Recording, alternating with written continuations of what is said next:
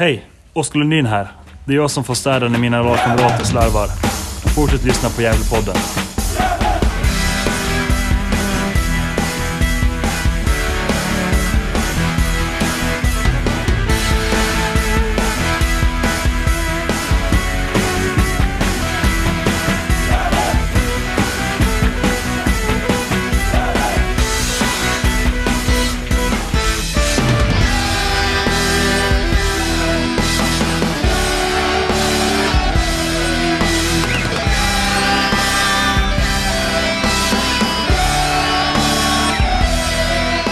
Hälsar vi alla varmt välkomna till eh, Gävlepodden och eh, avsnittsnummer 319.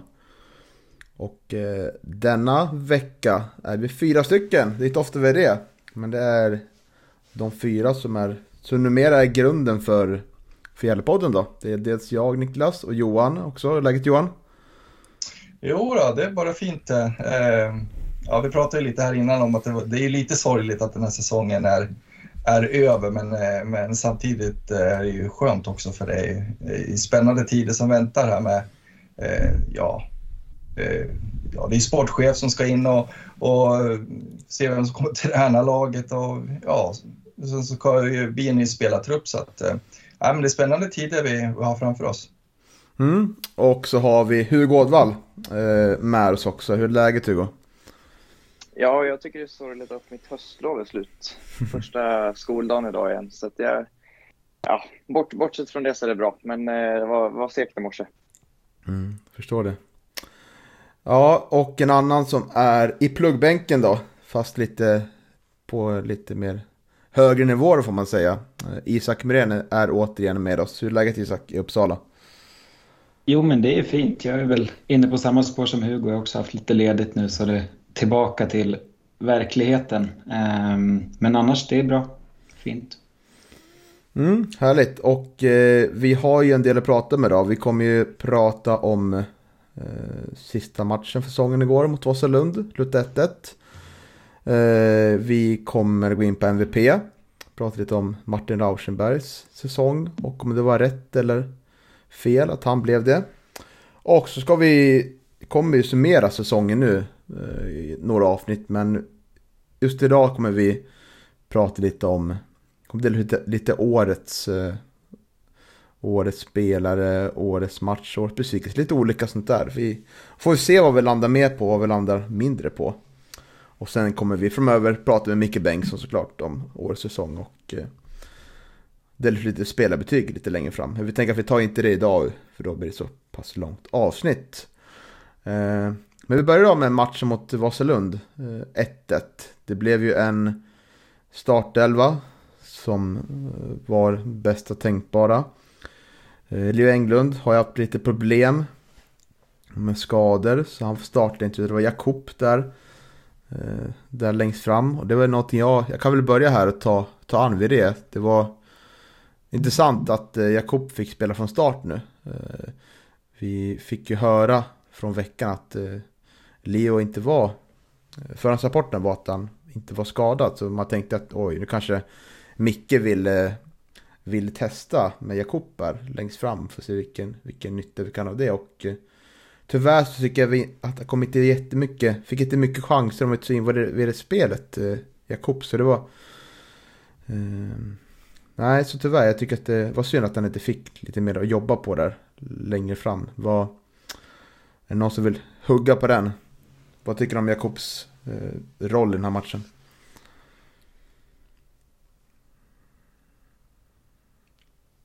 Eh, nej, men jag tycker generellt, eh, det var lite pikt, snabbt anfall sådär med, med Karlström och Jakob. Ehm, men det var väl som att det saknades lite tyngd kanske. Ehm, men ja, jag, jag visste inte att Leo var skadad på förhand så, så jag tänkte väl mer att det var någon slags test av, av något nytt sådär. Men eh, det såg intressant ut. Sen, sen eh, märkte man ju inte för att Leo fick så mycket att jobba på när han kom in, men det blir ju en lite annan tyngd med honom. Men, eh, men vi får ändå till en del i anfallsspelet eh, med Jakob känner jag ändå. Jag tycker att det, det är intressant. Eh, just det som, som du är inne på Niklas, att, att det kanske inte eh, såg så jättebra ut. Jag håller med dig om det. Eh, men just det här att Antonio själv har varit och ska enligt honom själv också vara eh, bäst som nia, eh, som en central eh, forward. Men eh, jag tycker att under hösten här med oss har det varit tydligt. Eh, nu har jag mest spelat en av de här offensiva innermittfältarna eh, som nästan eh, fungerar som yttrar i vårt system. Men det är tydligt att han har funkat eh, bäst där jämfört med, med de här få gångerna som han har spelat eh, nia. Då. Jag tycker inte att han eh, får så mycket boll som han, som han eh, ska ha. Det är en spelare som är väldigt duktig med boll och kan dels sätta sig själv i lägen men även hitta eh, lägen för sina medspelare och det tycker jag inte riktigt att han, han får göra eh, som nia lika mycket som han har fått göra i, i den andra positionen. Då. Så att, eh, nej, jag tyckte att vi, vi saknade ändå eh, Leo där framme. Mm. Ja, jo, men det märktes att vi, vi saknade väl överhuvudtaget lite offensiv spets i den här matchen. Tycker att det, vi blir lite väl runda i, i anfallsspelet så att säga, där vi eh, spelar mycket på utsidan av Vasalund när de backar hemåt och sådär. Och eh, eh, jag tycker inte att man tar sig liksom fram till, till de här riktigt eh, eh, skarpa lägena och det väl, kan väl hända att det också var någonting som eh, ja, påverkade vårt intryck av Jakob i så fall, skulle jag, tycker jag i alla fall. Mm. Man tycker det var en otroligt eh, frejdig match och det var ju två lag som verkligen ville ta tre poäng för att avsluta säsongen med. Så jag tycker det var en väldigt eh, fin match att se. Eh, där, där vi är, är väl det bättre laget i första halvlek. Sen är väl Vasalund det bättre laget i andra halvlek tycker man eh, kan fastslå. Men eh, eh, lite åsikter om Oskar Karlsson fick chansen från start, äntligen, som vi har tjatat om i den här podden, framförallt jag. Och jag tycker att han eh, är otroligt nyttig. Han är ju delaktig i, i första målet där. Eh, det är väldigt fint och Cooper får göra första säsongen där också. Eh, och det känns ju som att Oskar eh, tog chansen va? Eller vad säger du Isak? Ja, verkligen. Vi pratade ju om det förra veckan att den halvleken han gjorde mot eh, Motala var ju verkligen ett bevis på att han, han borde få starta. Och, visst, det är ju en match som inte gäller jättemycket men, men han kliver ändå in och, och visar att han är en... Alltså han, han står och knackar på för att, för att konkurrera om en plats på innermittfältet. Um, sen sen uh, jag vet inte, jag, jag, blev imponerad. Det kändes som att han var väldigt pigg. Um, hade väl var väl ganska aggressiv i, i liksom, så återerövringsspel men ändå stabil i defensiv som jag tycker han, han har varit när han kommit in. Um, vad tyckte ni? Nej, nej, men jag håller med. Jag tycker det, det, det är en väldigt bra match av eh, Oskar och det har vi ju sett också tidigare. Eh, jag tänker för, kanske främst på hans absolut bästa match den här säsongen och det är ju borta derbyt eh, mot Sandviken där, där Oskar är otroligt bra. Så jag tycker att han har visat tidigare den här säsongen också att han har, att han har potential och att det, det är en lovande spelare. Och, eh, ja, det är ju ett framtidsnamn och jag hoppas faktiskt att han eh, får, får chansen att eh, spela i Gävle nästa säsong också. Ja, är det något annat vi vill, vill lyfta då från, från matchen? Eh, kan, Alex Cooper som vi var inne på, gör väl en av sina, sina bästa matcher under året ändå. Är väldigt aktiv där och vi får in bollen tycker jag mycket bra. Lyfter bollen över deras backlinje väldigt bra. Det är det som förleder målet. Den har ju en chans också. Eh, utöver det som är väldigt fin också. Jag tycker att eh, man kan lyfta Alex Cooper som vi har. Ja, han har väl liksom inte varit så här lika bra som han var i början och eh, ja, det, det är väl Känner väl kanske också att han började bevisa lite att han, att han har en plats i Gävle IF Superettan. Så tycker jag var intressant att se. Och kul också. Mm. Uh, mm. Ja, men jag håller med. Alice Cooper såg väldigt spelsugen ut. Det, det märktes nog att han ville avsluta den här säsongen på, på, liksom på bästa sätt. Och jag tycker väl, det var väl han som kanske, ja nu gjorde han ju målet också och eh, eh var väl den som kanske visade liksom framfötterna allra bäst i, i, i, den här matchen. Tyckte han fick eh, komma högre upp i banan den här matchen också. Eh, hade en högre utgångsposition. Jag tror det hade mycket jag tror att det var en stor anledning till att han också blev mer involverad, eh, också högre upp i banan och kommit till de här lägena som han, som han kommer till, eh, målet bland annat.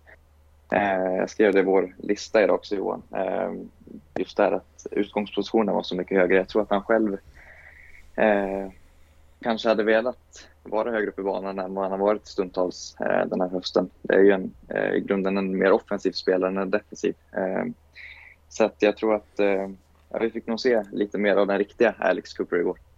Mm, så där är det förmodligen så att vet du, eh, man har väl kanske velat vara lite försiktigare och ha, ha sina ytterbackar lite läge stående i, i de här matcherna som har varit så pass viktiga nu när, när kontraktet ska säkras. Att, eh, eh, han har väl kanske blivit lite lidande av det, precis som du säger Hugo.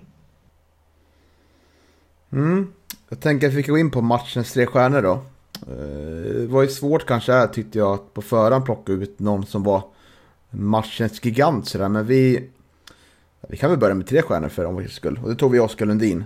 Eh, är ju en spelare som eh, ja, kanske får för lite stjärnor. Eh, men gör ju otroligt bra jobb i, i det tysta och eh, fördelar bollar och bryter motståndarlagets mönster och så vidare. Vad, vad har ni att säga om Oskar Lundins säsong då kan vi nästan ta. Vad säger du Hugo, du som har varit nere på Galevallen ganska ofta? Ja, den, den är ju jätte, jättebra. Eh, det går inte att säga något annat. Eh, jag tycker liksom att mm, det är klart att han hade sina 80 superettan-matcher när han värvades till oss och det var en spelare som man, man hade hört talas om eh, och visste skulle vara en bra spelare i ettan, men att han skulle vara den här otroliga mittfältsmotorn som verkligen liksom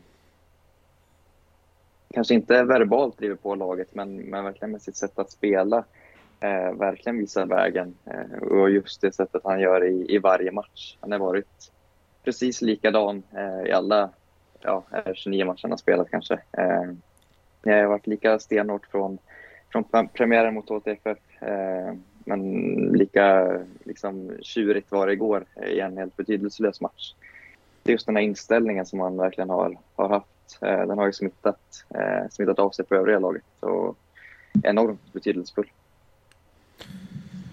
Ja, det är ju en av två spelare i det här laget skulle jag säga som det har verkligen kanske tre då med Leo, men absolut Oskar och Martin, när de har varit borta, då, då har det verkligen känts som att det har har saknats den här tryggheten i laget och eh, framförallt eh, på Oskars position. Det, jag tycker att det finns någon naturlig ersättare där som kan gå in och göra lika bra. På, i, på det övriga mittfältet tycker jag vi har vi har spelare som kan gå in och eh, nästan upp till samma nivå som vår bästa startelva men just på Oskars position finns det inget som jag tycker är i närheten av att göra lika bra som han gör. Så han är ju, kunde lika gärna kunna vara MVP i år.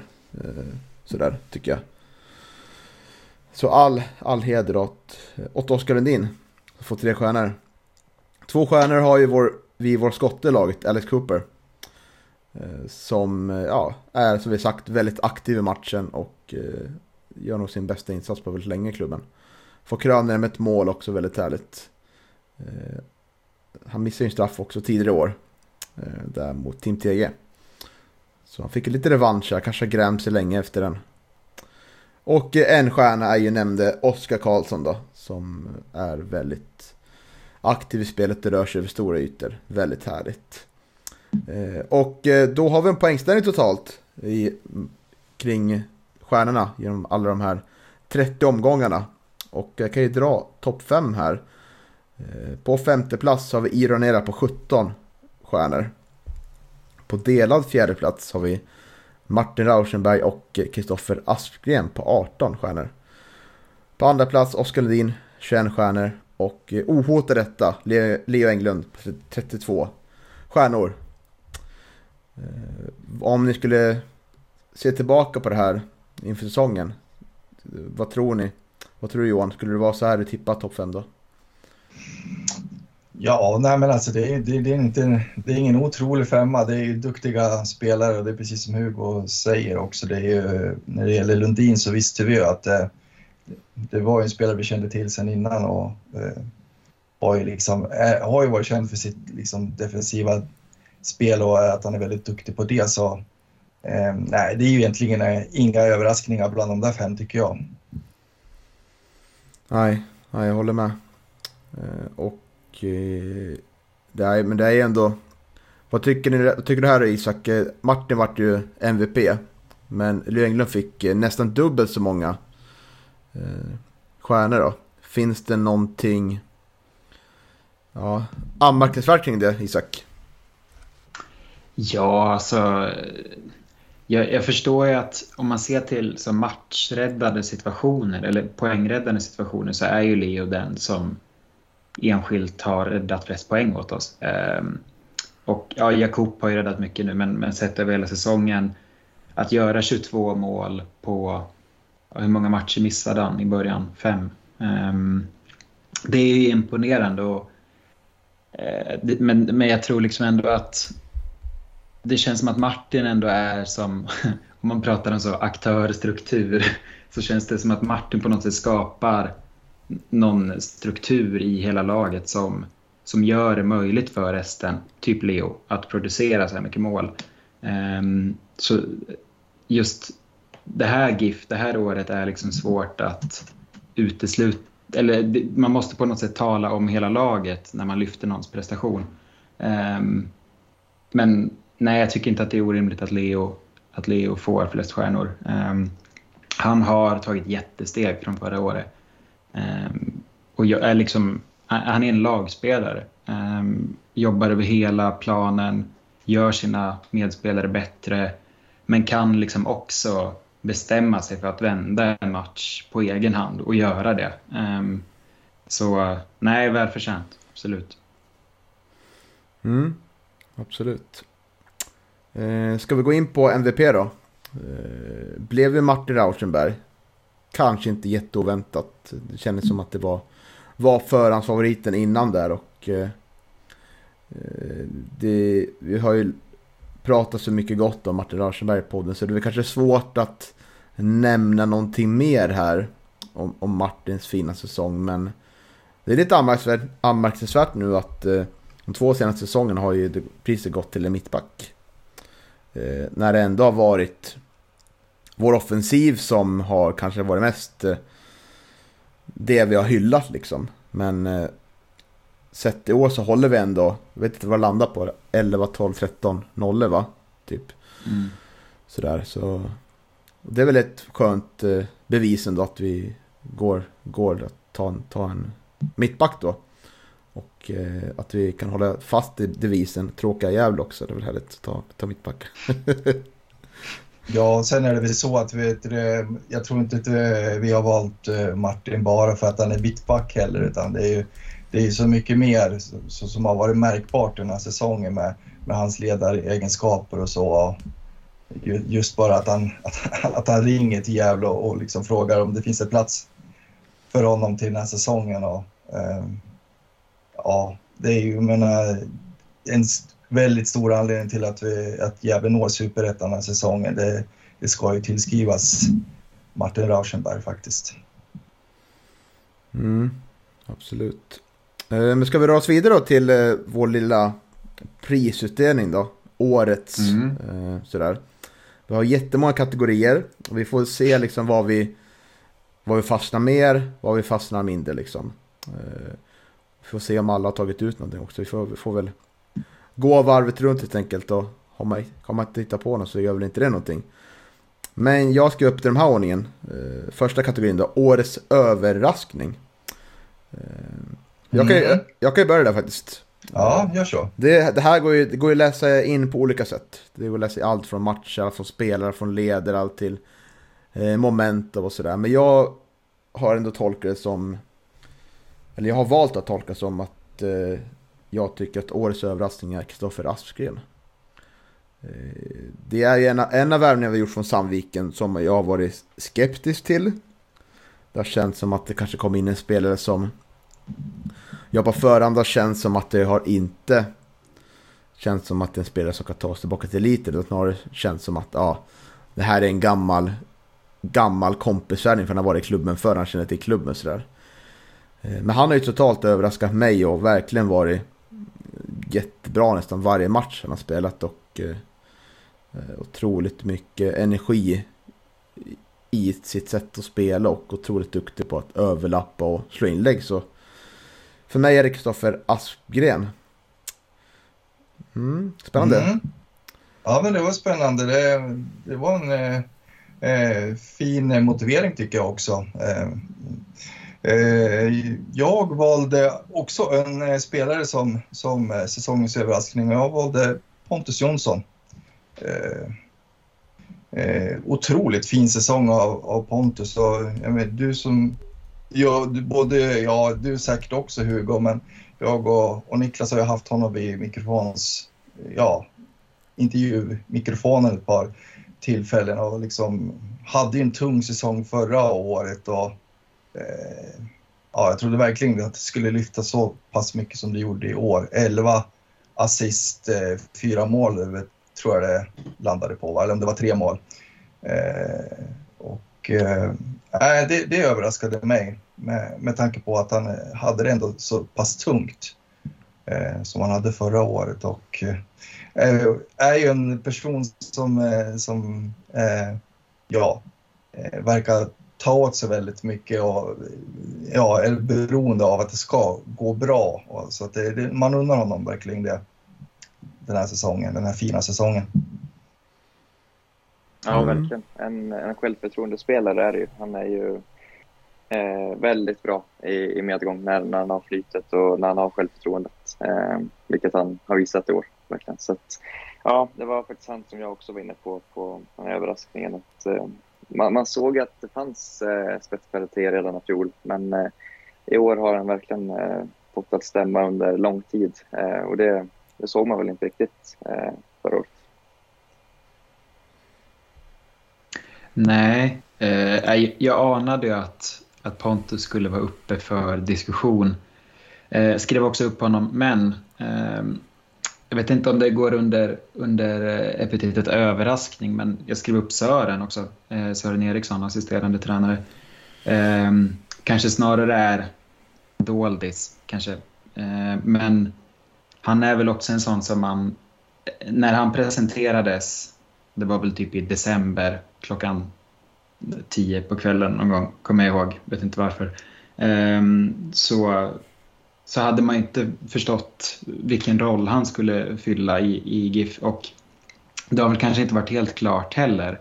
Det känns som att han är en sån som verkligen verkat i det tysta men som jag förstått det så har han verkligen spelat en stor taktisk och, och liksom analytisk roll i, i det GIF som lyckats så bra i år. Um, så ja, överraskning vet jag inte, för han, hans fotbollskunskaper de, de finns ju där. Men eh, positivt överraskad över att han verkar ha haft ett så gott inflytande på laget och verkar vara så uppskattad. Och det känns som en sån man hade velat sitta länge med i en intervju och, och höra hur han, han ser på fotboll och säsongen. Liksom. Eh. Mm.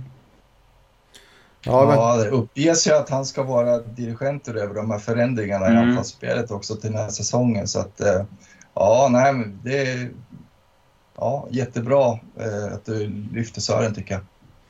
Ja, det är en som vi inte har haft med podden och det får vi se till att ordna tycker jag. Ganska snar framtid. Eh, årets spelare då? Är det Martin Raseberg alla valt här så då kan vi gå vidare till nästa kategori kanske. ja. Ja, okej. Okay. Uh, jag har faktiskt valt uh, Leo Englund. Jag tycker inte ah, man, okay. Eh, man, mm. Ja, nej, man, man snackar inte bort 22 baljer på, på en säsong tycker jag. Det, jag tycker att det är otroligt imponerande. Och det är dessutom han som, som skjuter oss till, eller skarvar, skarvar in det där målet eh, mot Umeå och, och eh, ser till att, att eh, vi säkrar det där superettan-kontraktet. Så årets spelare för mig var Leo Englund faktiskt.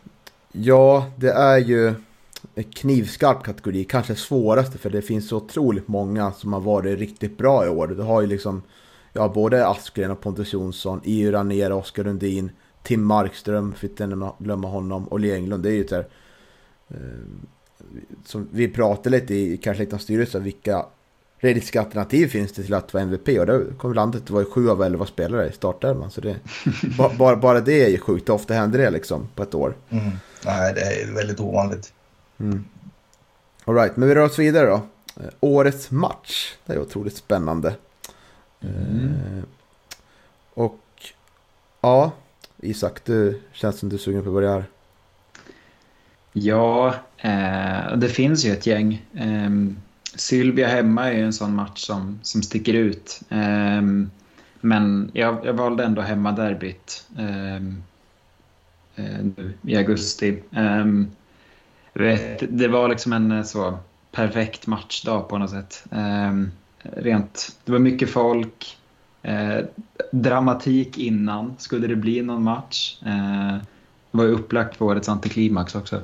Men eh, jag mådde katastrofalt hela matchen eh, fram tills, eller ja, inte fram tills målet utan fram till slutsignalen. Men det var verkligen, det var något, något så fint med det att det kändes som att allt gick enligt plan trots att vi låg under i halvtid. Eh, gjorde liksom de här justeringarna, Oskar Karlsson kom in senare också. Eh, och det var som att allting var uttänkt på förhand. Eh, och sen gör Jakob det där nickmålet eh, i åttionde, eller vad det är. Och då är det ju liksom, ja, då är det ju eufori. Och firandet efteråt är också helt fantastiskt. Det var eh, en så kallad välregisserad match tycker jag. Eh, och då, då, kände jag också efteråt att nu, nu är det nära superettan. Ehm, så den, den valde jag. Eh, ja, jag kan väl, kan väl instämma. Det finns egentligen två matcher där jag tänker som, som ändå gör den här säsongen till vad det är. Och det är båda derbymatcherna tycker jag. Liksom, det är, dels när vi går in till första derby så har vi haft eh, en riktigt svag period med poängtapp hemma mot Piteå. Vi har förlorat mot Täby först, enda hemmamatchförlusten i år. Och, eh, ja, och så har vi, vi har två raka förluster mot Stockholm International och Örebro Syriansk. Så vi kommer inte där med otroligt eh, dålig form och liksom man är genuint orolig för hur det kommer se ut där. Men där visar vi liksom att vi gör en riktigt bra match och är nära att ta tre poäng. Och där börjar vi liksom hela vår framgångssaga i år. Att efter den matchen så förlorar vi knappt. Och, eh, så den är också en viktig match. Men jag håller med dig Isak, årets match blir ändå hemmaderby. För att där börjar man ju tro på det på riktigt. Att oj, nu kan vi gå och vinna den här serien liksom. Och på det sättet man gör också. Man Eh, kommer tillbaka in i matchen och alla presterar på hög nivå. Så det blir ändå den matchen. Det, sen finns det många härliga ögonblick som man kommer komma ihåg. Och det är 6-0 hemma där och eh, det är matcherna på slutet också där vi krigar, krigar framåt. Och det är Team Tegel liksom 2-0 där. Eh, ja, men den matchen har ju på annat, eh, en annan kategori faktiskt. Så. Men det blir, blir hemmaderbyt där. Ja, hur resonerar du Hugo? Eh, jag var inne på, på ert spår. Eh, det är klart att, eh, som du säger, det finns ju massvis med matcher den här säsongen som, som man gärna tar upp och, och minns tillbaka till. Sista matchen, eller sista matchen, men matchen när det blir klart mot Umeå är ju också helt fantastisk på sitt sätt med alla känslor, framförallt efter matchen. Men nej, den, den matchen som, som man kanske ändå kommer minnas allra mest. Och det är också som Isak var inne på med allt, med allt runt omkring, både före och under och efter matchen. Det är ju, det är ju hemmaderbyt. Eh, och framförallt på sättet du vinner också tycker jag. För jag tycker att eh, den här matchen var vi verkligen eh, förtjänta av att vinna. Vi, vi var bättre än Sandviken. Och eh, med den vändningen som hela säsongen verkligen också tog efter den här matchen för både, för både oss och Sandviken. Så nej, den, den, slår, den slår mig högst faktiskt. Ja, ja jag, jag sticker väl ut och eh, eh ja, jag har ju varit pessimisten under he, he, hela den här säsongen. Jag och inte velat ta ut någonting i förskott och, och så där och sagt att eh, när det är klart så ska jag liksom ja, jubla och vara glad och, ja, och vara positiv och sådär. Så att, eh, eh, årets match för mig det är 1-0 hemma mot Umeå. Eh, Otroligt förlösande. Eh, det där otroligt härliga målet från Leo Englund där. Och, eh, ja, så, eh, så, så, den skrev jag upp. Det, det är årets match för mig. Mm. Helt okej. Okay. Eh, årets besvikelse då? Eh, mm. Jag tror jag ändå landar i Örebro Syrianska borta. Jag tycker att det är vår sämsta prestation i år. Det gapar ju knappt en målchans där och vi känns jättetrött hela matchen. Det var typ enda måndagsmatchen också så man är ju stressat där från jobbet till till Örebro och så spelar man sådär uselt liksom. Så det, för mig var det årets besvikelse här. Mm. Vad tänker du Hugo? Har du landat på någon match eller någon annan eh, specifik händelse? Eh, jag var inne på en annan händelse där faktiskt. Eh, det var mm, från första derbymatchen eh, när Jakob Hjelte går sönder. Jag tycker att det var ja, dels där och då ett, ett väldigt tungt avbräck i matchen och sen även trodde man väl och, och det såklart även var ett tungt tapp för resten av säsongen. Sen visade det sig att vi lyckades ersätta Jakob eh, väldigt bra och det löste sig på ett väldigt bra sätt ändå. Men eh, eh det var en stor besvikelse, eh, inte minst också för Jakob själv som, som missade eh, resten av säsongen. Han inledde ju också så väldigt lovande eh, första matcherna och var väl, eh, som han sa till mig för några veckor sedan, också i, i sitt livsform kanske. Så att, eh, otroligt tråkigt för, för både laget och Jakob själv. Mm, absolut, får inte glömma bort Jakob Hjeltses fina inledning var ju otroligt bra den säsongen. Kanske bästa han gjort i klubben. Eh, men det kommer superettan också för Jakob, övertygad om. Eh, mm. Johan, vad landar på? Eh, men jag landade i eh, Täby hemmaförlusten där. Eh, jag, jag tippar ju jämt att Täby ska åka ur i i varje tabelltippning eh, varje säsong här under, eh, under när Gävle har spelat i, i ettan norra och äh, äh, det, det kändes jäkligt surt där och då dessutom. Men jag tror att faktiskt Täby ledde ju faktiskt ettan norra efter den där omgången också så att nej, jag, jag minns att jag var, äh, ja då gick nog topplocket hos hos herr Norrström faktiskt. Så, äh, det är absolut den största besvikelsen den här säsongen.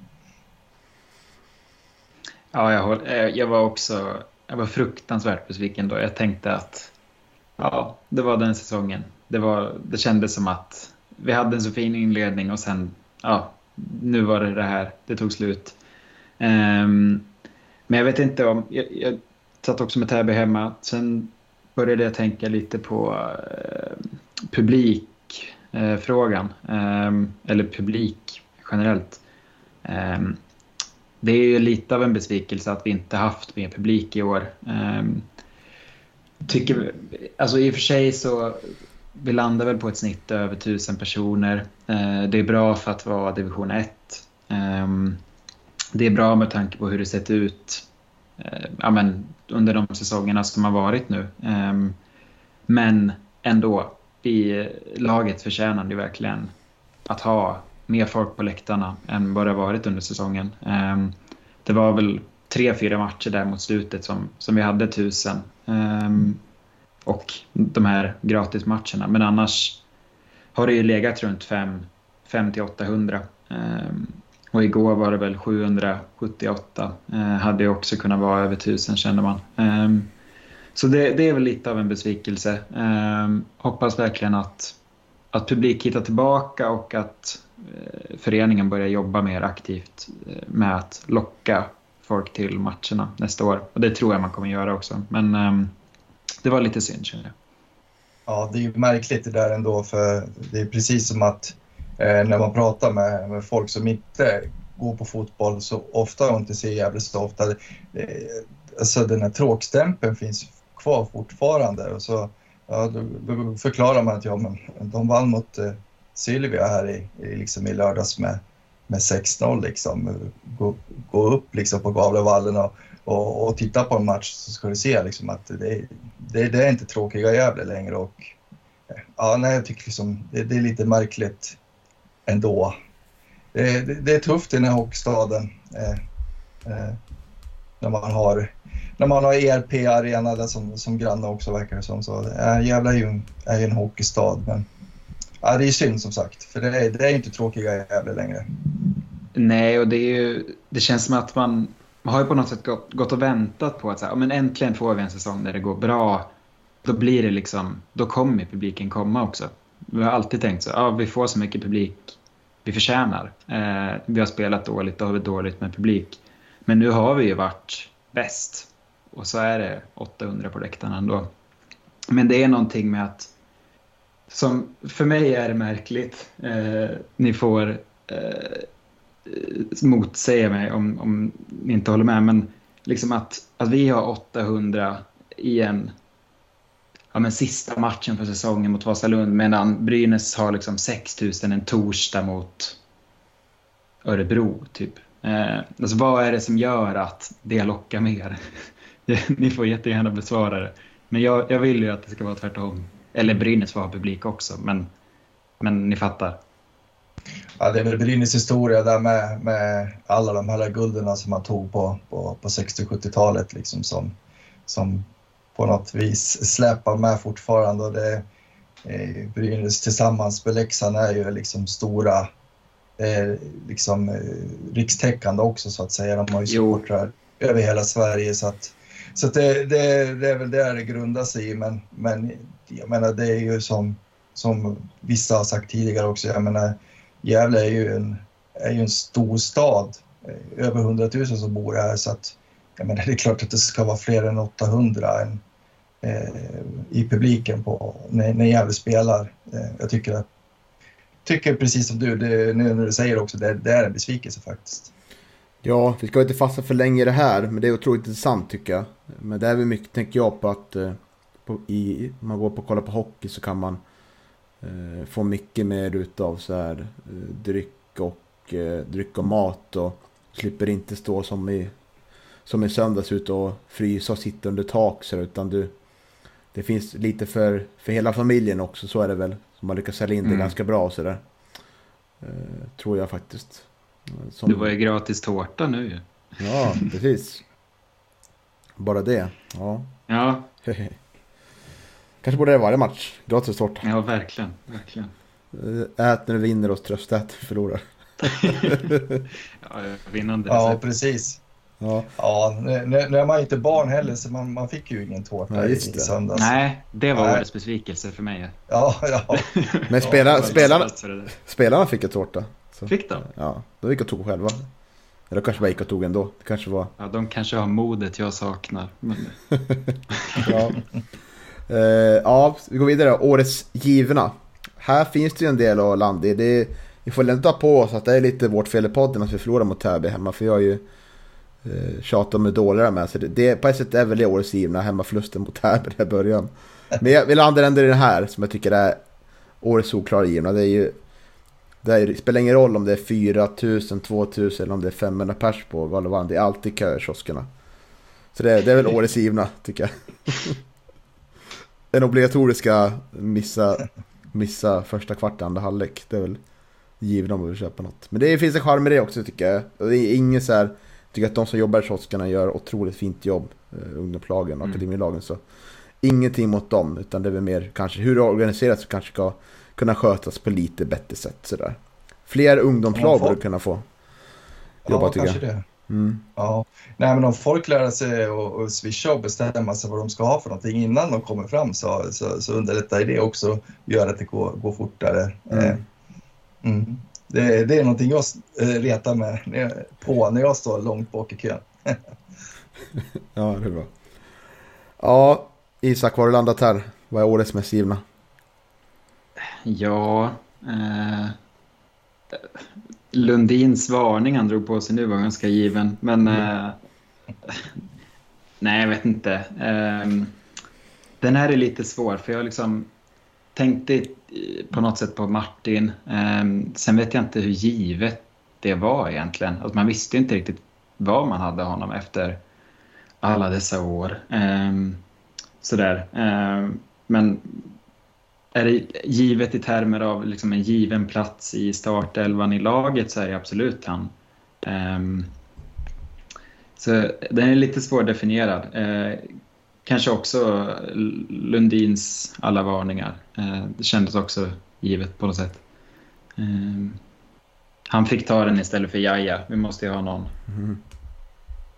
Så är det. Hur mycket fick Jaja förra året då? Slog Lundin rekordet?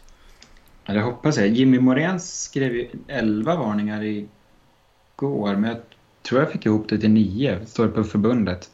Mm, okay. mm. Men han har, ju, han har ju lyckats gå ovarnad ett par matcher nu, så jag vet inte om, om det dragits tillbaka något. Men eh, många är det i alla fall. Mm, verkligen. Eh, ja, Hugo vill du ta given? Vad var, var mest givna enligt dig? Jag tyckte också den var lite klurig. Eh, efter säsongen så är Martin Rauschenberg en given MVP eh, enligt mig. Eh, men jag tänkte lite längre kanske och tog en koppling till, till oss supportrar istället och då tog jag kanske den här lite givna underdog-mentaliteten bland oss eh, Gävle IF-fans. Att eh, när man läser supporterforumet och vi leder serien med, vad var det som mest, nio poäng. Eh, någonting med, med väldigt få matcher kvar så, så skrivs det fortfarande från flertalet personer att eh, kanske inte ordagrant men, men med en eh, mening någonstans att det, det, är lite med tur och att det har lite med att alla andra mm. motståndare har underpresterat och eh, att ingenting är klart, att vi kommer kanske tappa det och lite sådär. Eh, jag hoppas på något sätt att den kanske har tvättats bort en aning i alla fall efter den här säsongen. Eh, jag tycker att vi, vi nu, numera eh, ska, ska gå med huvudet lite högre upp eh, och, och kanske våga brösta upp oss lite mer i alla fall. Eh, för att eh, den här säsongen hade ingenting med, med tur att göra utan det var, det var skicklighet. Vi var, vi var bäst helt enkelt. Eh, men, men den liksom inställningen och, och mentaliteten bland oss supportrar tyckte jag var ganska rolig. Bra mm. vinkel, jag håller med. Ja. Ja, årets mest givna, att eh, Daniel Eliasson inte skulle göra sex mål den här säsongen. säger jag då. då. ja, jo. Ja. ja, absolut. Ja, han var ju nära förra matchen där. Var inte var något offside-läge va? Typ man fick avblåsa. Ja, absolut. Han, mm. han, har ju verkligen försökt, men han har ju, han har ju inte riktigt eh, eh Leo Englunds förmåga att sätta det, bollarna i mål i alla fall. Så mycket kan vi konstatera. Han gjorde nog bicicleta-försök i någon match också, kommer jag ihåg. Mm. Ja, ja, men den undan man honom verkligen att den skulle gå i. Men... Mm. Ja. ja, härligt. Uh, ja, nästa kategori är lite lurig. Jag vet inte om jag har någon där, men året, vad var det vi sa? Uh, ja, Johan, du får, du får börja här. Får ja, lite. det kan jag göra. Jo, men vi har ju tjatat jätte... Vet du, ja, i flera år nu egentligen om att vi ville se ett mer varierat anfallsspel. Och det fick vi göra den här säsongen och eh, det tycker jag är ju eh, lika med, eh, med, med, framgång. Då. Eh, vi har ju tjatat om det och, och, och, nu har vi fått det. Och eh, ja, eh, det har ju varit väldigt roligt att se, se Gävle den här säsongen. Så att, eh, det, det var min, min, mitt svar på den kategorin. Mm. Isak? Ja, jag tycker också att den här var lite lurig. Um, jag eh, ska inte säga att det här är något jag gått runt och liksom propagerat för och nu bröstar upp mig för att jag fick rätt. För, men det var bara något jag kom att tänka på nu. Eh, och det är väl kanske att rutin och erfarenhet och ledarskap krävs eh, för att något sånt där ska kunna vara möjligt. Eh, vi, har, vi har på något sätt saknat eh, den riktiga ledaren. Ehm, någon med rutin. Eh, vi har haft väldigt låg snittålder i truppen. Um, nu får vi in, ja, vi, ja, Tim har ju varit med i och för sig, men vi har Tim, Rauschen, Lundin, Leo och så Sören um, som också bidrar med rutin på det sättet som, som kommer in och, och verkligen fyller ledarrollerna på ett bra sätt. Um, så jag får nog säga det att eh, det har ju tjatats om att det inte funnits riktiga ledargestalter eller åtminstone den här rutinen som kanske krävs för att kunna bära ett lag, eh, för att kunna ta sig uppåt. Eh, och nu när den kommit in så har det ju har det gått ganska bra. Ehm, så. Men, men som sagt, det är inget jag gått runt och, och propagerat för så länge. Men, men jag kommer att tänka på det nu. Mm. Kloka ord. Ja, Hugo. Ja, det är inte vad vi sa, men det kanske vad var det han sa. Eh, Micke Bengtsson, lita på processen. Eh, tänker jag. Det var, det var ett eh, evigt tjat om det första åren och det kändes som att eh, den här processen inte skulle räcka så mycket längre än till, till en sjunde plats. Men eh, det får man väl ändå säga att även om, som Johan var inne på också, att det har justerats en aning, eh, framförallt till det här året, så, så eh, ja, det kanske var en del av den här processen och, och till slut så var den ju verkligen frukt. Mm. Ja, det får jag hålla med om.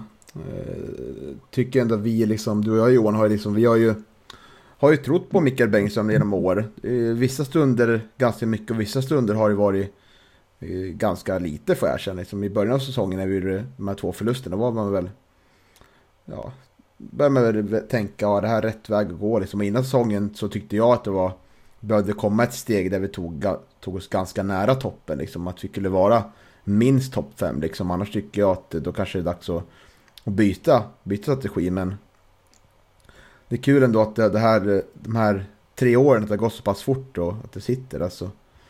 Eh, så jag tycker att det, det är väl någonting som jag hoppas vi kan stå bakom. Ja. Vad var det vi sa liksom? Men det får vi våra lyssnare mm. tolka in. Ja, nej men det, det, den tidpunkten när det svajade lite i förtroende från min del, det var ju inledningen av 2021 eh, som, som mm. var riktigt tung.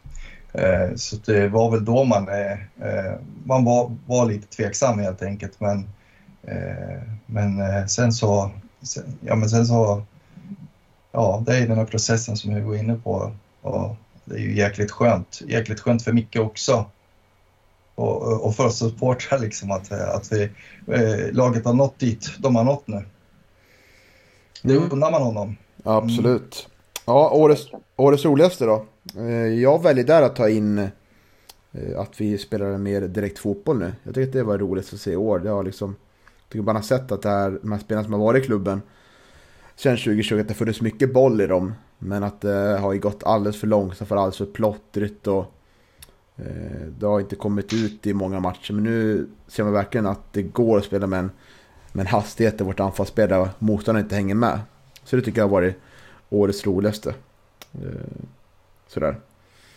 Det är väl kanske på årets överraskning också, men jag väljer, väljer att få in det på årets roligaste. Eh, Isak, väljer du? Är det någon Stockholmsmatch kanske? Haninge borta? ja, toppenmatch. Nej, men alltså jag håller med generellt. Det är mycket som varit kul kring Gävle i år. Det är roligt. Det har ju varit kul att se Gävle. Eh, men jag lyfter ändå eh, Team TG borta kul match. Nej, men eh, slutet när Ibra och, och Chuchu kom in. Um, att, att se när de, uh, och Torre också, vände matchen med liksom Ibras dundermål eh, och det firandet som hela laget eh, brast ut i. Och, och det syntes liksom att både för Ibra att det där betydde mycket för honom, eh, men också för hela laget. att ja, Det betydde mycket för laget, men, men alla unnade honom verkligen det målet. Eh, och Ciucius eh, långskott där också. Eh, de, det tyckte jag var väldigt kul att se, att eh, det är det här vi pratat om, om att spelare som inte spelat så mycket kunnat komma in och bidra och förändra matcher och avgöra. Um, men just det har liksom satt sig. Jag tycker det var, det var väldigt roligt att, och framförallt fint att de bidrog på det sättet och att alla verkligen unnade dem det. Mm. Ja, eh, årets roligaste för mig det var, det var eh, vinsten mot Sandviken hemma på, på, på Gavlevallen. Mycket folk på läktarna, två eh, stora klackar och liksom, eh, ja, en fin inramning överhuvudtaget. Eh, och ja, den här dramatiken på slutet och, och just den här lyckokänslan när, när domaren blåser av matchen. Så det, är den, det är årets roligaste för mig. Ja, jag köper Isaks här. Det var precis samma som jag, jag tänkte på faktiskt. Just det här att, att det verkligen är hela, hela laget som har bidragit i år på olika sätt. Men just den matchen var ett så starkt bevis på det. Mm. Härligt. Årets tråkigaste i nästa kategori. Eh, kan, ju välja, kan nog ändå välja ändå med stolthet Torvalla IP i Haninge. det ska bli skönt att slippa åka dit. Om ska vara ärlig. Ja, precis. Eh, de spelar väl dessutom tvåan också nästa säsong. Så att, Mm. eh, ja, det, det kanske, kanske det serie. Det är där, där de hör hemma om man säger så. Mm. Mm. Ja, nej, jag valde Jakob Hjeltes skada eh, som säsongens tråkigaste. Då. Eh, av, av den anledning som Hugo eh, tog jag tidigare i en annan kategori. Eh, som sagt, eh, Jakob eh, såg ut att vara på väg mot en otroligt eh, bra säsong och eh, någonting som man har unnat honom. Så han har ju haft eh, problem med, med skador under sin eh, liksom, fotbollskarriär överhuvudtaget. Och, eh, man tyckte att det var så skönt och roligt för honom att, att, att han fick eh, börja den här säsongen så bra. Allting såg så bra ut och ja, ledde ju skytteligan där också. Så att, eh, och sen gick han sönder där i, i, mot Sandviken. Då. Så det, det, nej, det var otroligt tråkigt tycker jag. Ja, jag, jag, eh, jag skrev också upp eh, Hjältes skada. Jag stämmer in på det du sa Johan. All right. Vad säger du Hugo? Ja, ska vara ärlig med att jag kom faktiskt inte på någonting riktigt bra eh, här. Jag var inte på Torvalla IP, annars hade jag kanske också varit beredd att hålla med om det. Men jag, jag ska inte Jo. uttala mig eftersom jag inte har varit där. Eh, jag tycker att den här säsongen har varit så himla rolig egentligen från, från start till, till mål. Så att, nej, jag, jag skiter i att komma på någonting tråkigt faktiskt. Mm. Helt rätt också tycker jag. Eh, årets, tro, årets haveri är vi på. Eh, ja, det blir väl Motala borta ändå. Eh, sådär, tänker jag. Eller har ni något annat? Ja, jag- Vänta. Nej, jag är enig med dig. Jag är enig med dig. Det, Ja. det, det var ett Ja, riktigt absolut. haveri. Ett väntat haveri, men ändå årets haveri. Mm. Jobbiga flashback till Gävle IF 2019 där. Jo tack. Men vi lämnar den här kategorin och går till årets skönaste och där har jag derby, derbyvinsten mot Sandviken med 2-1. Det var, det är, eller, det är väl hård konkurrens liksom. Man, ska, man skulle kunna haft årets dag också, då skulle ju kanske det som hände mot, eh, mot Umeå där falla in också under, under samma kategori. För att det var också en otroligt fin dag från början till start. Eh, men eh, det var väl ändå lite så här, man hade det på känn att det skulle, att vi skulle vinna matchen. I alla fall innan den började liksom. Mot Sandviken var det ju mer, mer oklart innan matchen. Det var mycket stod på spel och Eh, så det var årets skönaste när, när jag där. Eh, nickar in bollen, det är, det är otroligt. Otrolig glädje efter matchen också sådär. Så det, det blir ett ganska lätt val för mig. Ja, Isak. Vilket är skönaste ögonblicket? Eh, ja, det är, jag är inne på samma matcher. Ehm, och det du säger med att o, eller utgången inför derbyt var ju mer oviss än, än Umeå. Ehm, så då blir det på något sätt ändå Jakobs 2-1 mål där. Ehm, det, var, det var en otrolig känsla ehm, när, han, när han gjorde 2-1. Ehm, så jag, jag skriver in på det du säger eh, och och eh, har även jag 2-1 målet och generellt derbyt men, men 2-1 målet specifikt. Mm, och jag kommer tänka på nu liksom just den här matchen, att det, det är så mycket, det är så mycket man kommer ihåg på läktaren att det blir de här glädje, eurofin som har varit då liksom när det bara allt släpper lös och får det flyger saker överallt och folk välter Mm. på läktaren. Jag tycker det är så, sånt kommer man komma ihåg långt framöver. Och så härligt också när jag tycker, det var ju en Sirius-podden, Folktribunalen som pratade just om Ja, det var matchen. Då berättade de att folk hällde öl på varandra. Sådär. Då så de upplevde det tycker jag var fin beskrivning. Tyvärr finns det inget eh, videomaterial på just det som det var lite haveri med kameran just den matchen. Skulle kanske kunna varit inne på den kategorin också. Eh, men man får väl komma ihåg, komma ihåg sådana ögonblick eh, just när man var där också. Så finns det faktiskt om man vill kolla in Kajsläktens YouTube. Eh, film mot Umeå också ganska bra filmat när, när vi gör eh, segermålet där. Hur, vad som hände på läktaren. några gråter, några, några faller ur bild och, och sådär. det är ganska härligt kaosigt sådär. Det är så här, känslor liksom när det kommer sånt här, det är, det är inte förutbestämt och det tycker jag är väldigt fint liksom. Man vet aldrig vad som händer med en. Det, det är för alla oss som har liksom så här varit med när vi åkte ur allsvenska superettan, då var det ju tårar på annat sätt liksom och en tomhet liksom. Så. Ja, så det, det hände mycket de där två matcherna. Ja, eh, Hugo va?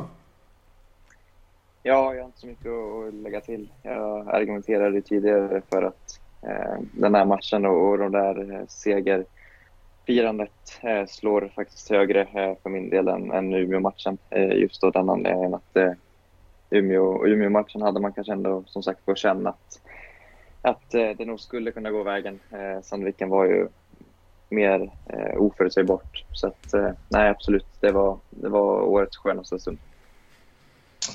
Årets skönaste för mig var när Leo Englund gjorde målet eh, mot Umeå och eh, det drar iväg i den där ruschen emot, eh, mot avbytarbänken.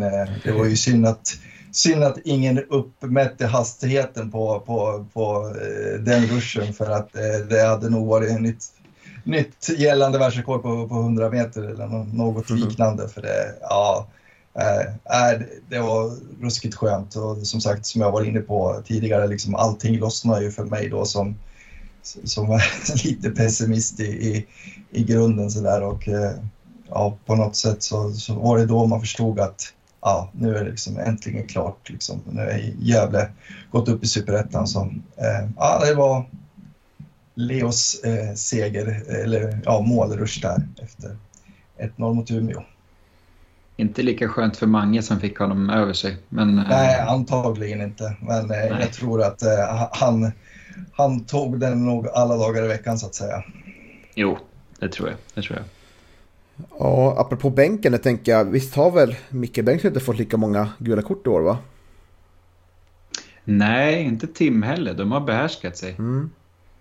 Också en positiv sak. Kanske årets överraskning mm. på det också. ja, ja, verkligen. Eh, årets ögonblick då? Där har jag valt, faktiskt valt matchen mot eh, Team Tege borta. För vi stod på läktaren där och vart mer och mer nervös när det närmade sig slutet. Och man kände att ja, nu är det fan nära att Team Tege går och gör mål här. Eh, men så kommer liksom eh, det här inlägget som så, så får ner via bröstet till Ibra. Och det känns verkligen som att det går, det går liksom, hinner gå tio minuter innan han skjuter. Liksom man känner att allt stannar upp liksom. Och det är någonting jag kommer komma ihåg, liksom, att när han väl sett den rakt över krysset, det blir så fint. Eh, glädjefnatt också, det var väl också så här. Eh, man började också tro på det då, just då liksom. Eh, det där målet liksom, att det, wow, vi kan, vi kan vinna sådana här matcher som annars vi förlorar med 1-0 eller det blir, blir 0-0. Så Ibras mål uppe i Umeå där en tidig söndag. Klockan börjar närma sig två. Det kommer jag komma ihåg väldigt väl av, av den här spelaren som vi har pratat om så många gånger och har förvånats över varför han är kvar i Gävle IF. Så han får väl också bidra med. Med på den här listan tycker jag den är värd. Absolut.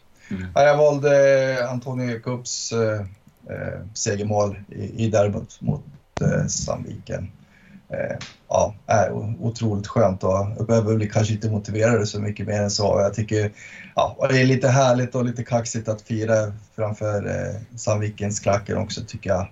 Eh, det är lite sånt där härligt eh, supporterhets. Det, det, det, det, där hatar man ju själv naturligtvis när det drabbar en eh, liksom, åt det hållet men, men eh, mm. just där och då så tyckte man att det var lite skönt och kaxigt. Uh, ja, Isak, vill du ta ordet? Uh, nej men jag, uh, jag stämmer in på det du sa på förra punkten Johan. om firandet vid 1-0 målet mot Umeå. Det är så mycket som händer där. när Tim och, och Rauschenberg är liksom halvvägs upp i klacken och firar med oss. Leo springer, löper liksom amok och nej, det är bara otrolig känsla. Um, det var det satt så långt inne på något sätt också så det, det blev verkligen total explosion. Um, det kommer jag minnas länge. Men också efter slutsignal ehm, när laget kommer ner och firar med, med klacken. Det, det kommer jag också komma ihåg väldigt länge. Mm. Har du något skräll här Hugo? Nej, eh, men, men jag skulle också lyft eh, matchen mot Umeå och framförallt efter slutsignalen. Att få, att få fira en, en serieseger och en, en uppflyttning eh, var första gången för mig eh, under mitt eh, supporterskap. Eh, och eh, nej, men just det här att efter de här eh, tuffa åren att få tillsammans hemma på, på Gavlevallen eh, fira med, med spelarna och alla andra runt, runt omkring klubben. Det var, ja, det var magiskt. Ja, nästa kategori då är ju årets mål, så den går väl kanske, går kanske in lite här i förra, förra kategorin då, men... Ja, årets bortamatch nu va, Niklas? Ja, vi skrev, jag skrev ju mål också. Jaha. Du tog ju ögonblick va? Vad det var förra va? Nej, årets mål var det väl då? Som vi tog. Och, och nu är det årets bortamatch. Ja, så kanske det var. Uh, Alright. Uh, Nej, jag tror det var ögonblick. Ja, tror jag också. Ja. Okej, okay. ja, ja. Bra, bra när man fel ute. Ja, bra Isak. Hopp, hoppar händelserna i förväg. Ja, ja. Men jag kan väl ha lite mer mål då, ändå Johan? Du kanske har samma, Ja. samma här? Ja. Mer, mera mål, det, det vill vi ju alltid ha. ja som Markoolio sjöng en gång i tiden. Ja, exakt. Eh, Men eh, jag tänker på Martin Raschenbergs mål här. Man kommer ju oftast ihåg mål som har varit liksom ganska tätt in på tiden. Eh, som Martin Raschenbergs mål i derbyt där. Så man har ju lite svårt så här att komma ihåg målen som skulle ut i början om man inte sett dem. liksom. Men jag väljer ändå det målet. Han har ju många nicklägen eh, under framförallt senare delen av året tycker jag. Men just här så fick han ju verkligen in det på ett bra sätt och klättrade upp där för Sandviken-backen och bara får in 1 målet där som gör att vi vänder matchen. Eh, så det, för mig är det årets mål. Men det vore kul om ni andra tar någon riktig, riktig stänkare i början av säsongen som man har kanske förträngt lite. Eh, En uppmaning här till de som har lite bättre minne. Framförallt till våra yngre deltagare i den här podden. Så jag räknar inte med dig här Johan. nej, nej, det gör du helt rätt i. Ja, jag, jag sträcker mig lite längre bak, men inte mycket längre. Eh, utan till eh, FC Stockholm hemma 10 augusti. Eh, mycket fina mål den matchen eh, och fyra till antalet. Men eh, det var då Pontus hade sin eh, mål och assistexplosion. Sista målet, 4-0 målet. eh, det, ja, det var väl mot slutet av matchen i andra halvlek. Så gör Pontus eh, två eller tre man eh, i FC Stockholm. Tunnlar, han tar sig förbi en spelare, tunnlar eh, densamma tror jag. Och sen avancerar han in i banan och spelar ut till Leo som bryter in och, och får en så härlig båge på bollen så att den dalar in precis under ribban. Han gjorde ju några sådana där mål, Leo, där han, han får som skön båge på bollen eh, strax utanför straffområdet. Men, men det var så fint för jag satt och kollade igenom det idag för jag, jag vet inte hur många gånger jag sett det men det är liksom Pontus bara glider igenom. Det är så härligt att kolla på. Eh, som en varm kniv genom smör. Mm. Säger man så? Mm. Ja, ehm, så det, det målet kommer jag ihåg. Eh, men mest på grund av eh, att det var så snyggt. Eh, betydelsen var ju lite mindre. Men, eh, Fint. Ja, vad har du då Hugo? Ja, jag sträcker mig också lite längre bak. Eh, ännu längre bak tror jag. Det är en match jag själv faktiskt inte var på. Eh, men eh, kan ha varit Piteå hemma. Eh, Leo Englund. Eh, en bit utanför straffområdet. Eh, Just det. Mm. placerar den fastän de med, med bra tryck och bra kraft. Eh, någon form av ribba, kryssribba i. Eh, väldigt, väldigt snyggt mål. Eh, enligt mig kanske det snyggaste i år. Eh, tyvärr gav det ingen seger. Det var väl ett, ett, lite, ett litet bottennapp eh, med 2-2 va, tror jag hemma mot, mot Piteå där. Men Mm. eh, målet var det, var det verkligen inga fel på. Är otroligt. Vi borde ju be vår, vår vän Hugo Jens att eh, klippa ihop alla mål. Eh, hoppas att Ja, vi ligger kvar på absolut. YouTube. Det vore häftigt. Så kommer man att komma ihåg där länge. Ja, Johan, får jag gissa på att du har Umeå hemma, Lu England? Ja, nej, det har jag faktiskt inte. Eh, som sagt, vi, vi, du sa ju det att eh, Ibrahim Al-Hassan förtjänade och omnämnas lite i podden. Och, eh, nej, men det, det, det är nog årets mål. Just, eh, det är ett otroligt snyggt mål. Eh, och just eh, glädjescenerna efteråt, eh, precis som du var inne på Isak eh, tidigare också, just att eh, Ja, nej, det, det, är ett riktigt eh, snyggt mål tycker jag. Och eh, just de här glädjescenerna efteråt eh, gör det till, till, till, årets mål för mig. Mm, absolut. Och eh, visst har vi bara en kategori kvar nu va? Stämmer det Johan? Ja, det stämmer. Mm, eh, det gör det. Eh, vi har ju eh, vad vi kommer att sakna mest med, med etta norra. Mm. Eh, och, det, och, det ska bli spännande att höra. Och bortamatch också. Bortamatch också. Du kan börja där. Ja, då, då blir det två kvar alltså. Ja. ja. Eh, det här var ju du skrev in Isak, årets bortamatch, mm. var ditt förslag. Så du, du får börja mm. tycker jag, sätta standard. Ja, ehm, och min bortamatch, eh, det är ju inte en match där vi vann. Ehm, eh, men det var FC Stockholm borta där i maj. Ehm, och det var ju det var en väldigt fin kväll. Det var en fredag det var, Stockholm var fint. Eh, spelade på Stockholms stadion. Eh, och det var otroligt mycket giffare där kändes det som. Eh, Sebbe Sandlund eh, dök upp i klacken och drog igång lite eh, ramser. Ehm, och, det var en väldigt fin kväll. Jag kommer ihåg att, att det liksom verkligen ekade ehm, över stadion där, över hela Östermalm säkert. Men tyvärr så vann vi inte. Det var också en väldigt snöplig förlust eh, när de, FC Stockholm gjorde väl 1-0 där i första halvlek. Men, men det var ändå något med den matchen som jag kommer ihåg för att eh, det var bara fint att se och det var en fin arena och det var, det var, en, det var en fin kväll. Eh, men tyvärr ingen vinst. Nej, jag landade nog också i den matchen tycker jag. För jag tycker det var så otroligt eh, mycket giffar där. Det var bra tryck mm. från alla på läktaren den här matchen igenom. Det verkade vara... Det finns en charm med fredagsmatcher också. Det gör det helt klart om, som den var här liksom. Uh, och uh, nej, jag landar nog också på den. Det, vi har spelat otroligt bra i borta år liksom. Uh, bortsett från lite i början och lite från på slutet. Men vi har ju vunnit mot alla toppkonkurrenter. Men man landar ändå i den här matchen för att det var så pass mycket folk liksom. Och det brukar spela in tycker jag liksom. Eh, så, där, så jag väljer den. Eh, ja, för vad känner du Johan?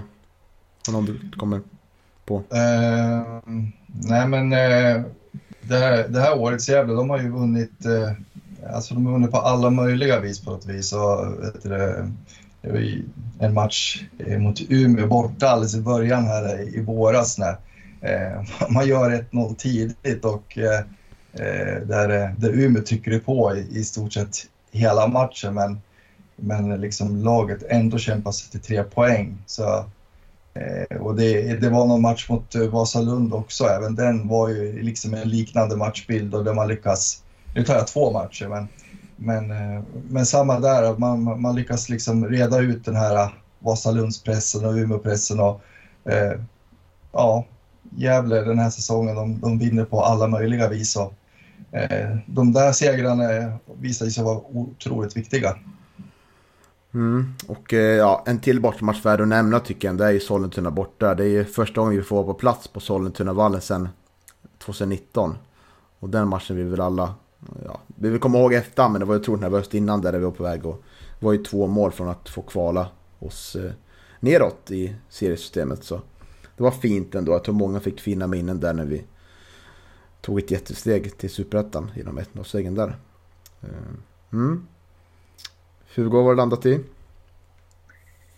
Ja, eh, kom ju tyvärr inte iväg på så många bortamatcher som jag hade eh, velat. Eh, som vanligt tänkte jag säga. Det är mycket med, med egna matcher och, och allt eh, vad det är under, under sommaren. Så att eh, det blev ju bara eh, Sandviken borta och så var jag även nere på Täby borta eh, i år. Eh, en ganska dålig blek insats eh, mot Täby eh, på en, en får man säga, vanlig eh, härlig derbymatch mot, mot Sandviken borta, 2-2.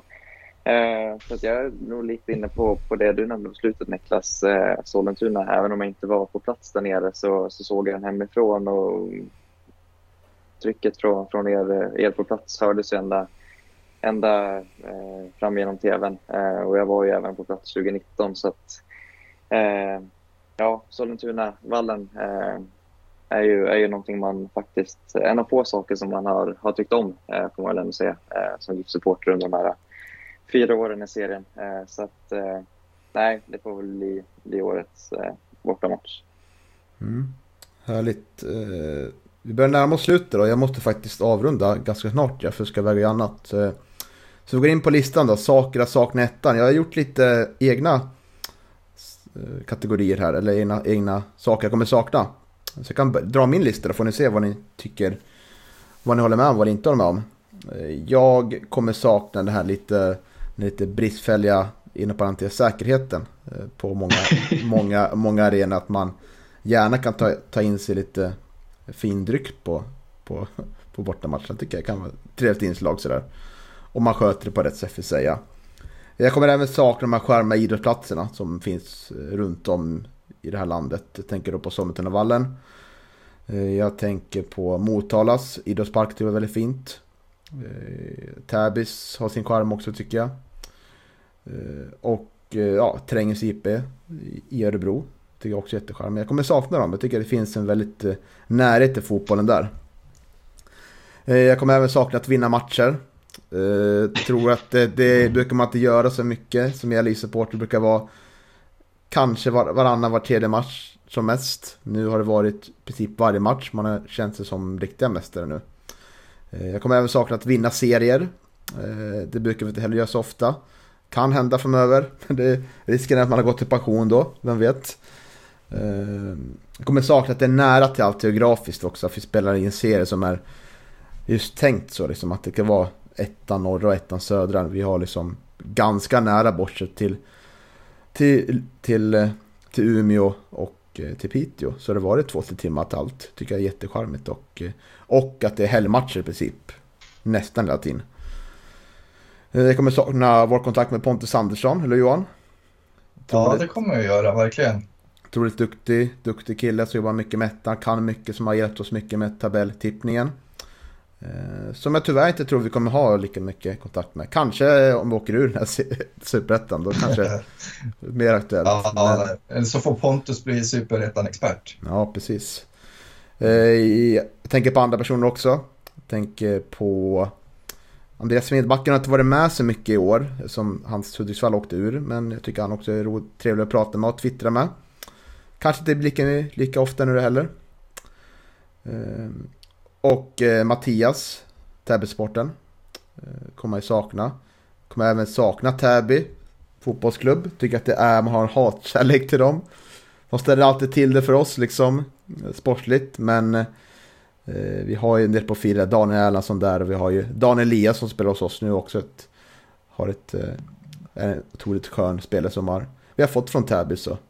Eh, så och sist men inte minst, jag kommer sakna att vi är klubben som alla vill slå. För så har det varit verkligen under de här året. Att alla liksom har känt oj, nu kommer Stora Gävle IF här till vår fina anläggning. Sådär. Så det är min lista på nästan tio saker då. Eh, något ni vill haka på eller något ni vill tillägga? Ja, nej absolut. Eh, jättefin lista Niklas. Eh, jag kommer att förhoppningsvis sakna derbymatcherna mot eh, Sandviken. Eh, I övrigt så kommer jag inte sakna någonting alls. Eh, nu, vet, nu är Gävle tillbaka, nu är Gävle tillbaka där de ska vara och de ska vara i eliten. Så att, eh, ja. Eh, så, så ser jag på saken. ja.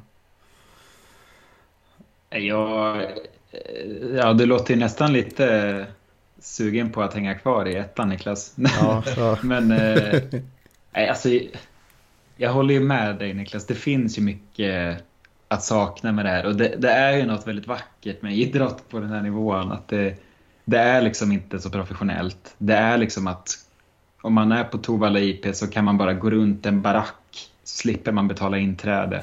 um, det är liksom mycket som, som bara är. Um, Tovalla IP, jag har faktiskt lite mer positiva känslor än vad du har kring det. Okay. Men um, men, men främst de här idrottsplatserna, just att det heter idrottsplats, eh, kommer jag sakna. Eh, och det, ja, de har ju varit mycket i Stockholmsområdet och det har ju passat mig bra. Det är lite tråkigt att, att inte kunna gå på lika mycket matcher. Ehm, sen, det är ju en fin närhet, som du var inne på, till, till laget och till, till eh, ja, men, matcher. Eh, både rent geografiskt men också när man står på arenor eller idrottsplatser. Då, att, att man kommer väldigt nära eh, som man kanske inte kommer göra i Superettan. Ehm, men förhoppningsvis kan det här väl, om vi nu etablerar oss lite högre upp, vilket vi får hoppas att vi gör, så, så tänker jag väl att det är mycket sånt här man kommer kunna se tillbaka på eh, sen liksom när man harvade runt på Torvalla IP. Eh, och nu, nu är allt så mycket bättre eh, förhoppningsvis. Men eh, ja, nej, jag kommer ändå ha, komma med varma känslor eh, med, från ettan, bortsett från eh, 2019. Då, då. Men, men resten är fina minnen i misären. Mm. Nej, men hade jag gjort den här listan när vi spelade 2019 hade det låtit helt annorlunda såklart. Då förlorade vi mot många, många, många av lagen. Så och då var det ju, men saker man inte kommer sakna att ligga i ettan det är att, eh, att förlora mot lag man inte trodde fanns innan lite. Lite så. Nej. Eh, så är det väl. Nej. Eh, men såklart, jag tycker det kan bli fantastiskt kul med, med superettan. Det är ju där vi är hemma. Om man ser rent historiskt så har vi spelat mest, mest matcher i andra divisioner i Sverige. Så det är där vi hör hemma som klubb. Och så vill jag gärna att det blir allsvenskan såklart. Men Ja, jag tycker att det var, var det charmigt ändå. Liksom. Det har varit många fina, fina platser att besöka. Så så. Och jag kommer inte sakna Torvald Lipe såklart. Det var inte så oväntat kanske. Ah. du, vi får, ju, får väl ha med, får med någon korrespondent som får rapportera från Torvald Lipe kanske, tvåan. Eller inte. Deppig rapportering. Men... ja. Vad kommer du sakna Hugo? Har du något?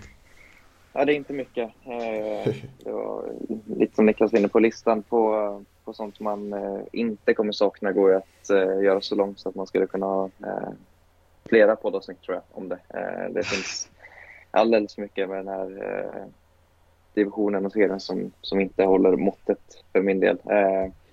Men, men en sak jag kommer sakna det är faktiskt ettan eh, Twitter. Ehm, alla personer som, som eh, faktiskt bryr sig om den här serien och bryr sig om lag som, som spelar i den. Eh, jag tycker att det, det, det har varit många intressanta diskussioner och samtal och, och sådär ehm, på, på just Twitter med, med olika personer ehm, som sagt.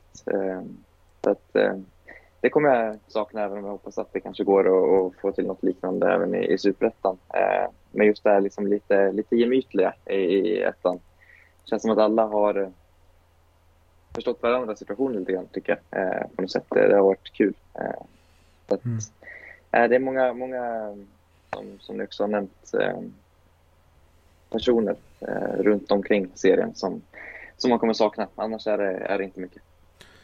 Det jag hoppas att det, inte, att, det, att det blir som det varit nu i ettan. Jag tycker att det blir betydligt mer man har haft närmare till spelarna och klubben tycker jag. Liksom att det har, det har känts för spelarna som att det betytt mer för de som var där än när klubben var i Superettan och Allsvenskan. Jag tycker att det var inte den samma familjära känslan som har varit nu i ettan. Liksom. Och jag hoppas att den kommer fortsätta vara kvar. Liksom, att, man, att det känns som att det, vi gör det tillsammans. Liksom, vi supportrar och eh, tränare, ledare och eh, spelare på plan. Att det, den fortsätter vara kvar. Liksom. Trots att vi går upp en division. Så tycker jag att det också har varit något som har varit väldigt fint de här åren. Liksom. Det har ju inte spelat roll om det vi har haft 2019-laget eller 2022-laget tycker att alla, alla har varit väldigt tacksamma och varit lätt att prata med tycker jag. Det kan du väl instämma i va Johan? Absolut. Eh, väldigt eh, fina orden Niklas. Det, det är någonting som jag inte tänkt, tänkte på så här innan naturligtvis. Men, men just, eh, just den här, ja, det känns som en familj och kanske framförallt i, i år på något vis. Liksom, och, och eh, klubben och, och, även spelarna liksom har ju, har ju liksom, ja, eh, de har fått oss känna oss delaktiga, liksom, eh, vi supportrar också och, vi, och du och jag Niklas som har gjort podden också. Så att, eh, det, på så sätt har det varit fina år. Mm, absolut. Jag tänker att det blir lite avslutande ord för, för veckans podd då. Vi ser oss nöjda där va? Ja, det gör ja, vi. Det var en fin summering. Mm. Och så hoppas vi att eh, när vi kommer tillbaka nästa vecka vi har lite mer nyheter gällande sportchef och eh, tränare och kanske lite förlängningar och sånt. Eh, så tills vidare så önskar vi vår lyssnare en fortsatt trevlig vecka då så hörs vi nästa vecka.